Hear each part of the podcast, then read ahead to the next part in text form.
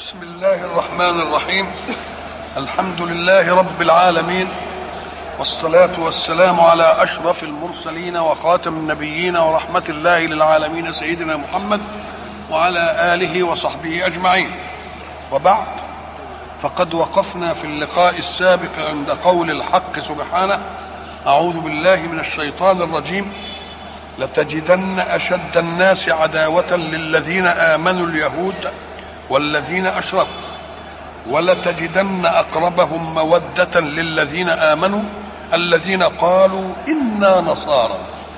ذلك بأن منهم قسيسين ورهبانا وأنهم لا يستكبرون. الحق سبحانه وتعالى يقسم لرسوله صلى الله عليه وسلم أن واقع الحياة مع الفرقتين اليهود والنصارى سيتجلى واضحا رغم أنه كل واحد منهم مخالفك في ناحية إلا أن مواجيد الناس مختلفة. فاليهود هم أشد عداوة.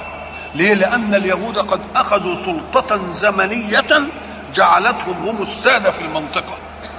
لكن النصارى كانوا ما عندهمش لا سيادة ولا سلطة زمنية ولا حاجة وعاكفون في صوامعهم وفي بيعهم يعبدون الله ولا لهمش لا رياسة ولا أي حاجة.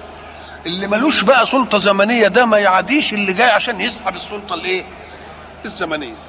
العلة في إنه قال لت ولتجدن أقربهم مودة للذين آمنوا الذين قالوا إنا نصارى. ليه العلة؟ ذلك بأن منهم قسيسين. القسيسين جمع قس وهو المتفرغ للعلم الرب طيب قسيسين ورهبان. دول تفرغوا للعبادة.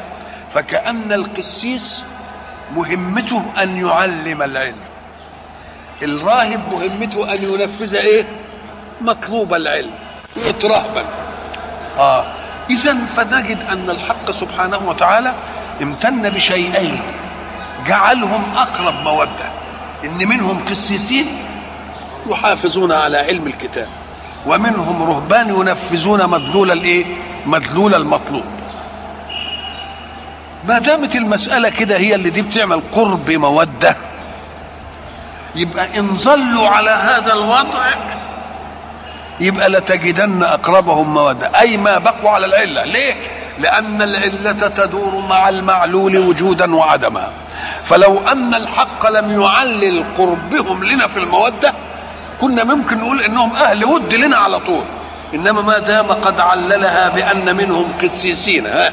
ورهبان وانهم لا يستكبرون؟ ليه ما بيستكبروش؟ لأنهم ليس لهم تطاول إلى رئاسة وليس لهم ترفع وليس لهم تكبر. مفهوم؟ ليه؟ لأن برضو طبيعة دينهم مديالهم طاقة روحية حتى إنهم يقول لك اللي يضربك على خدك الإيه؟ ادلك الخد الإيه؟ الأيسر بدهم شحنة إيه؟ إيمانية. فدي برضه نضحك عليهم. ذلك بأن منهم قسيسين ورهبانا وانهم لا يستكبرون. ودي بس مش كلام بس بل جاء الواقع في الكون يؤيد هذا. اليهود مواقفهم من رسول الله صلى الله عليه وسلم معروفة حتى إنهم نزلت بهم الخسة إنهم عايزين يرموا حجر عليه يموتوه يسموه. وحين تجد إنسانا لا يجد الخلاص من خصمه إلا بأن يقتله يبقى يقول له أنت لست لك شجاعة تواجه بها حياته ولو كان لك شجاعة تواجه بها حياته ما كنتش تقول ده موته. يبقى لما واحد يموت خصمه مش دليل على أنه أشجع منه. ده دليل على أنه إيه؟ أضعف. لأنه لو كان قوي كان يواجه حياته وحركة حياته. إنما ما دام ما يواجهش حياته ولا حركة حياته يقول لك أموته لأن طول ما هو حي حي إيه؟ هيتعب على الأول. الواقع ده حصل ولا ما حصلش؟ الواقع حصل. نحن نعلم أن رسول الله صلى الله عليه وسلم حينما جهر بدعوته اتبعه قومه إلا أن القوم دول بقوا مضطهدين من أهلهم ومن زوجهم وحتى أن البيت الواحد انقسم. تجد مثلا أم حبيبة الله اللي هي بنت أبي سفيان. يبقى أبوها شيخ الكفرة وهي إيه؟ وهي مؤمنة وتذهب مع زوجها إلى إلى الحبشة. فيجد رسول الله صلى الله عليه وسلم أن يحافظ على هذه الخلايا الإيمانية. ليه؟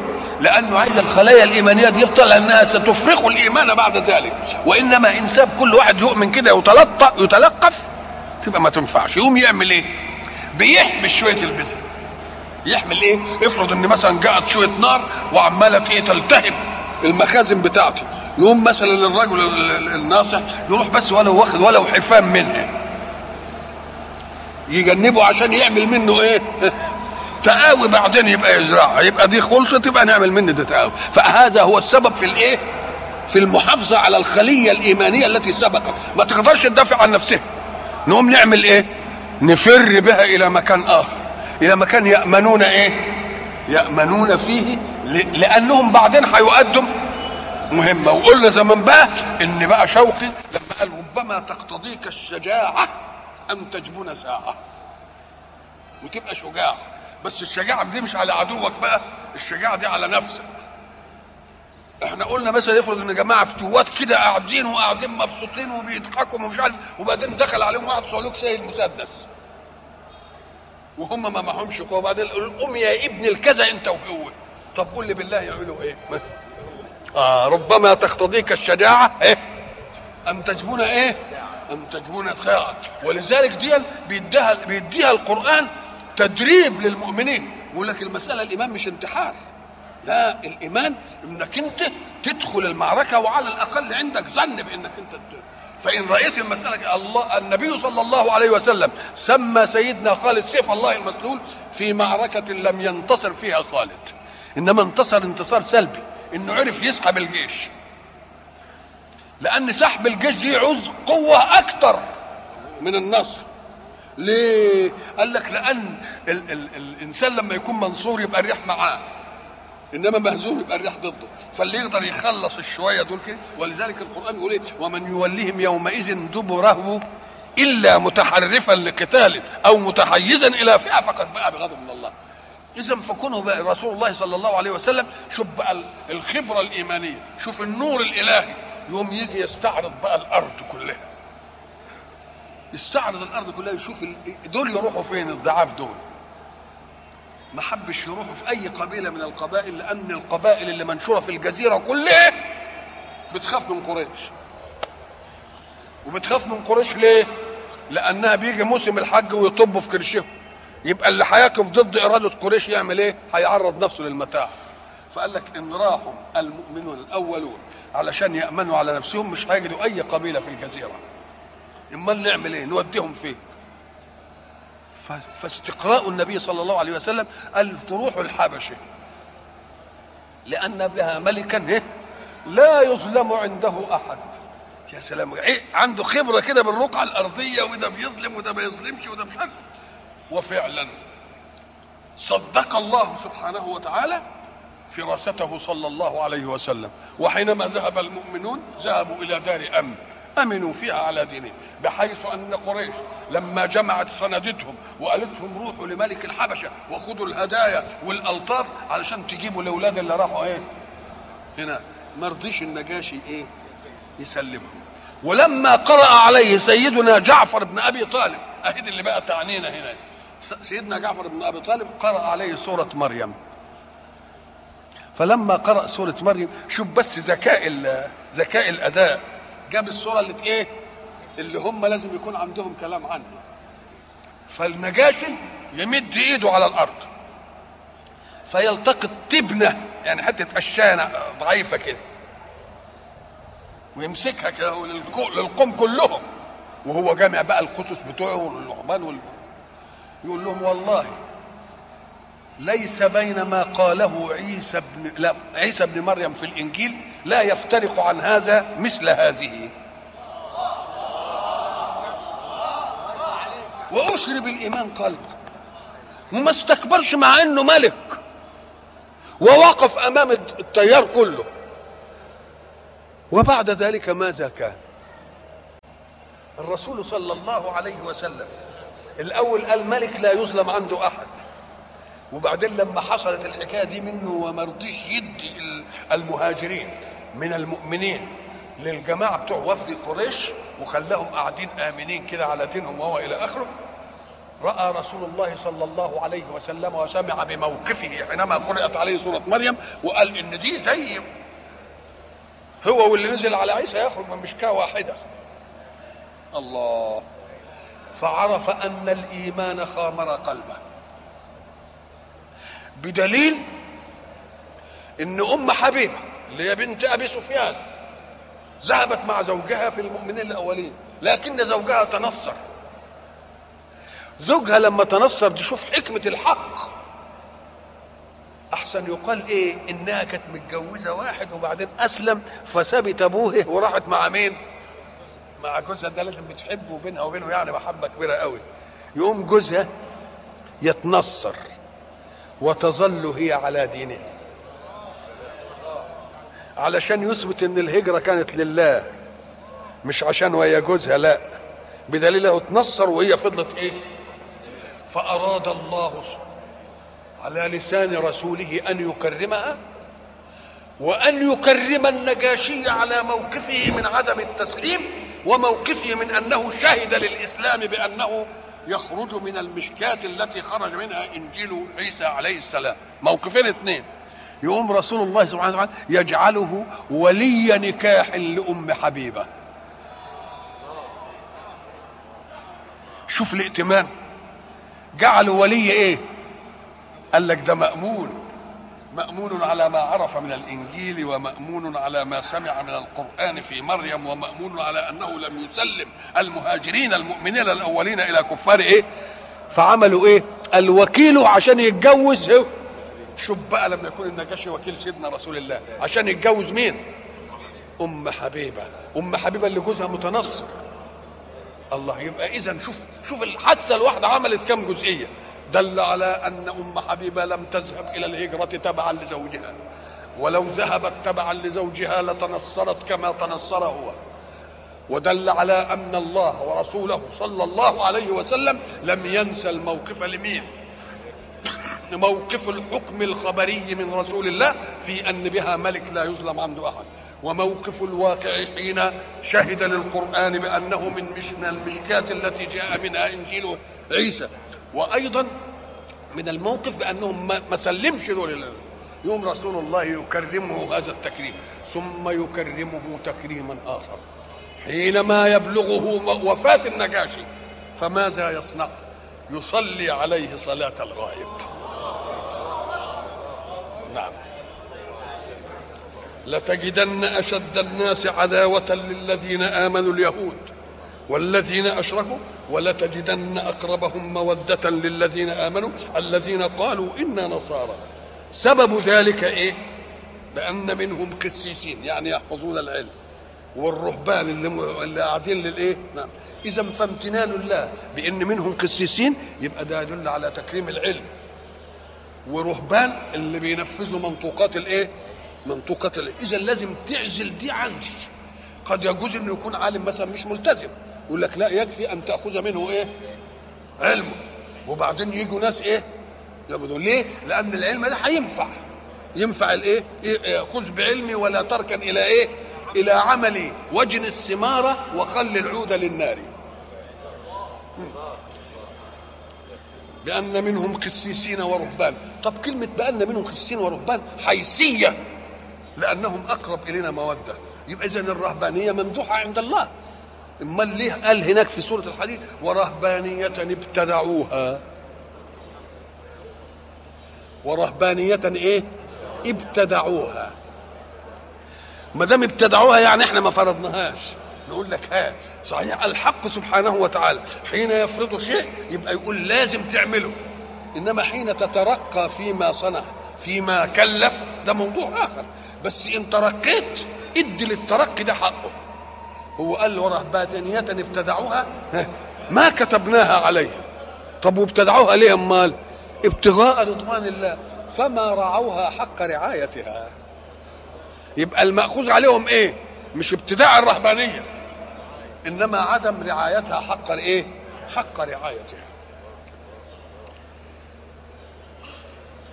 ذلك بأن منهم قسيسين ورهبان وأنهم لا يستكبرون. يبقى عايزين واحد يعقل العلم وعايزين نموذج للتطبيق العملي ده في الايه؟ في الرهبان. وعايزين الجهاز ده كله ما يبقاش فيه استكبار ولا علو. استكبار ولا علو يعني عايز يبقى له سلطة إيه؟ سلطة زمنية. هم دول ما فيهمش إيه حاجة. اذا سيظلون أقرب إلينا مودة ما كانت فيهم هذه الحيثية. قسيسين ورهبان ولا إيه؟ ولا يستكبر فإن تخلوا عن واحدة منها وحبوا سلطة زمنية بقى نقول لهم بقى أنتم تخليتوا عن الصفة التي حكم الله بأنكم فيها أقرب مودة إن فكروا وقال لك نعمل وطن إن فكروا بأن يبقى لنا أرض. إن فكروا يبقى لنا مش عارف نقول له بس أنت خرجت عن الإيه؟ ما ظللت على قسيسين ورهبان وأنك لا تستكبر ولا تستعلي في الأرض يبقى أنت على العين والإيه؟ على العين والرأس. وإذا سمعوا ما أنزل إلى الرسول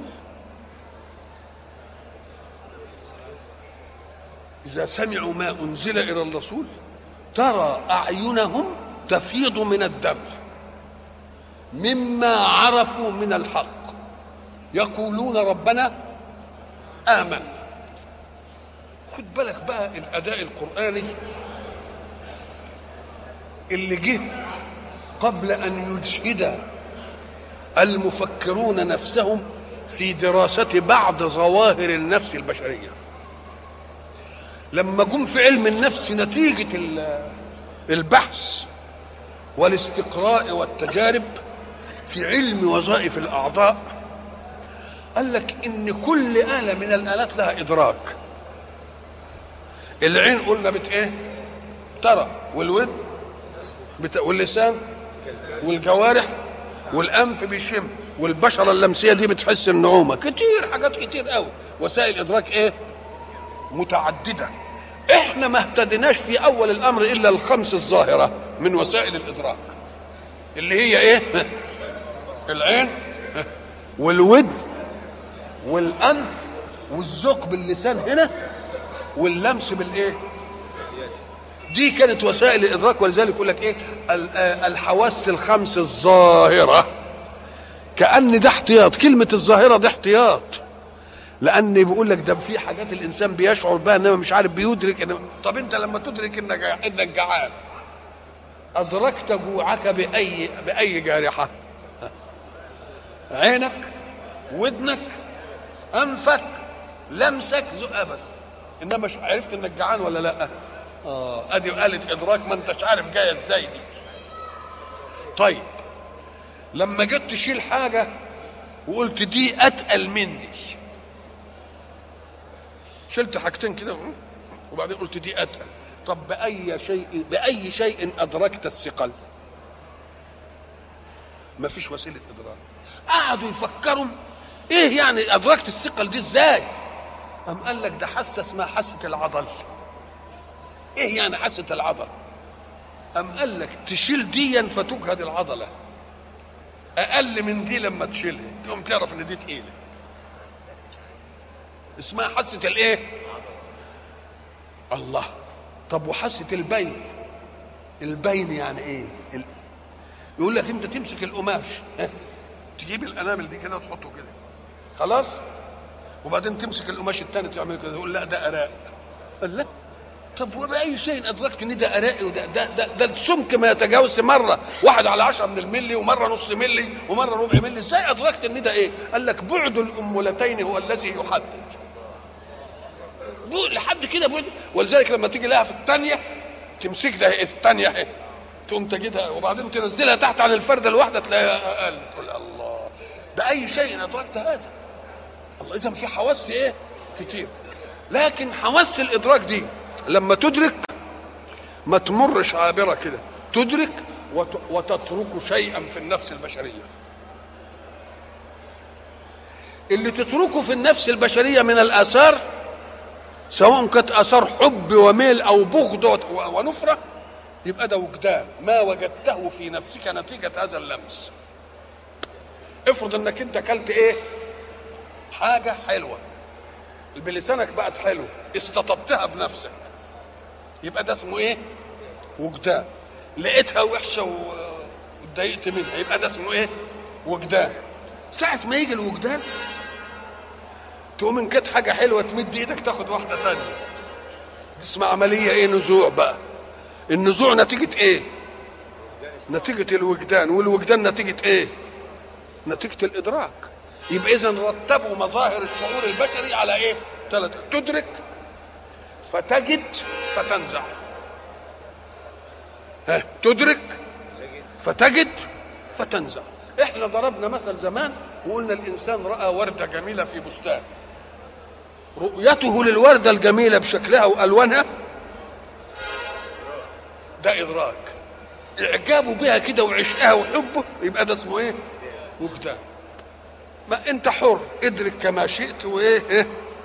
وجد كما شئت. إنما تيجي تمد إيدك لها تلطفها يقوم الباب يقول لك إيه؟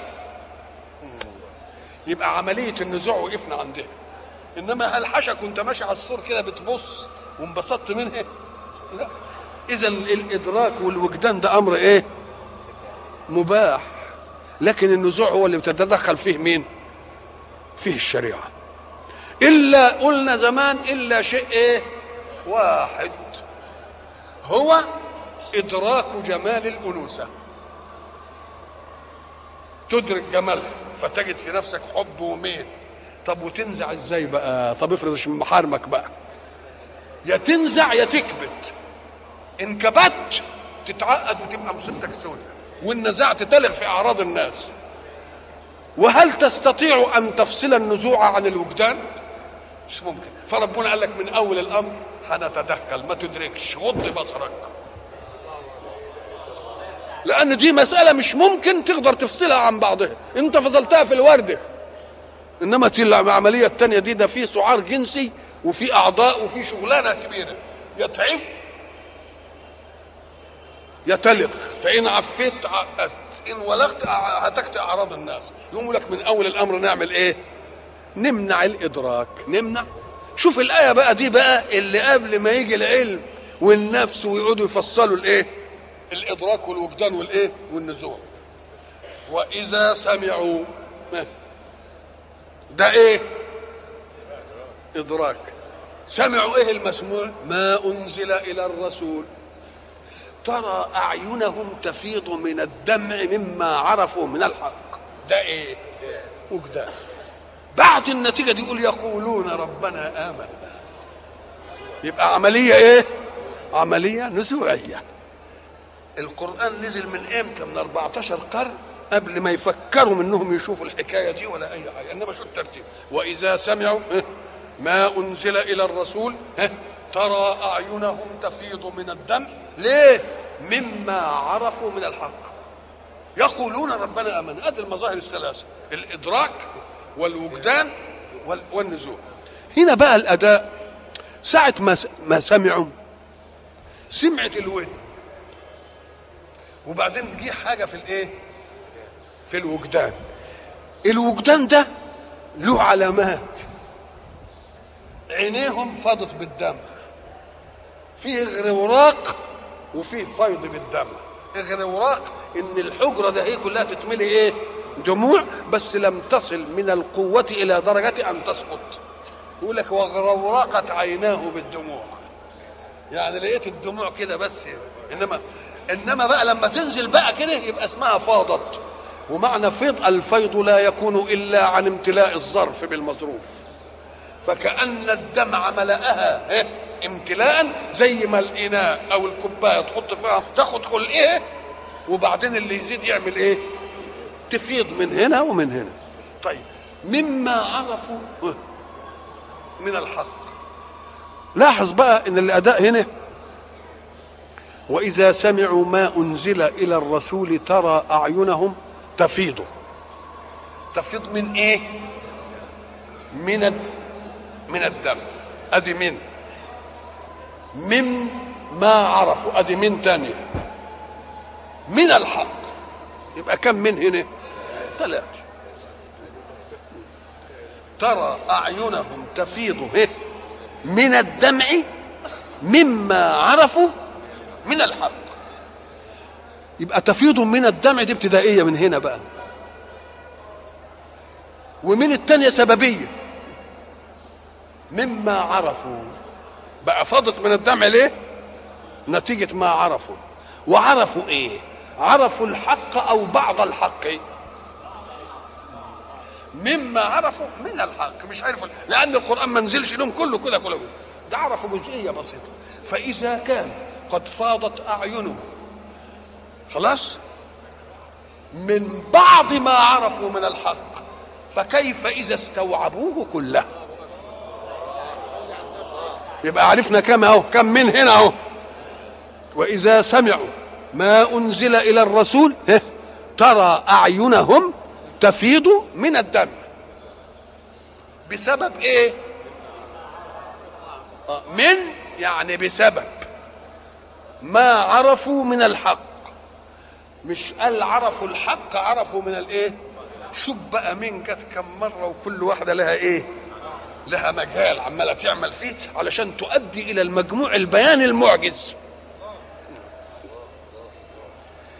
وإذا سمعوا ما أنزل إلى الرسول ترى أعينهم تفيض من الدمع مما عرفوا من الحق. كلمة الدمع دي أنتوا عارفين كل حركة في الإنسان